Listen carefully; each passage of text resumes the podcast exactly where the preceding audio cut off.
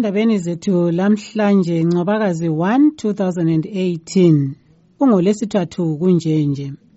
Abekomishini ebona ngezokhetho eyezek bethula impumela eveza ukuba ibandla lezanup f yilo elinqobileyo kukhetho lokudinga amalunga edale lephalamende lithola izihlalo ezedlula okubili kokuthathu two-thirds.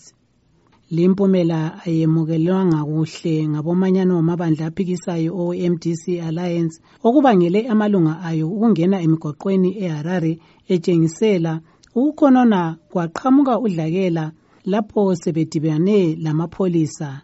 Njalo sizwa kuthiwa sokubulewe abantu abangaba ngabane kulolu dlakela. Abazeqapha ukhetho benhlanganiso ezifana labomanyano we-african union eu sadc lezinye babika ukuba ukhetho lwezimbabwe lwenziwe ngokuthula kodwa kaluqhutshwanga ngendlela esuthisa amabandla wonke ezombusazwe.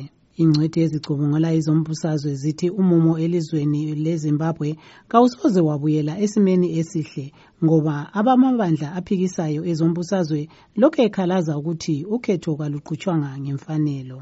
Kulive talk lamhlanje sikhangela okwenzakala ezimbabwe ngemva kokhetho impumela yokudinga umongameli elokhu ingakethulwa ngabezek thumelani imilayezelo yenu kuwhatsapp kunombolo ezithi 001 202 465 0318 kumbe enkundleni yokukhulumisana lokuzilibazisa yebulenjini yefacebook ekhasini lethu ele voa indebele lingakhuthwa yilezi ndaba lezinye kustudio 7 ngo-half past 7 ntambama.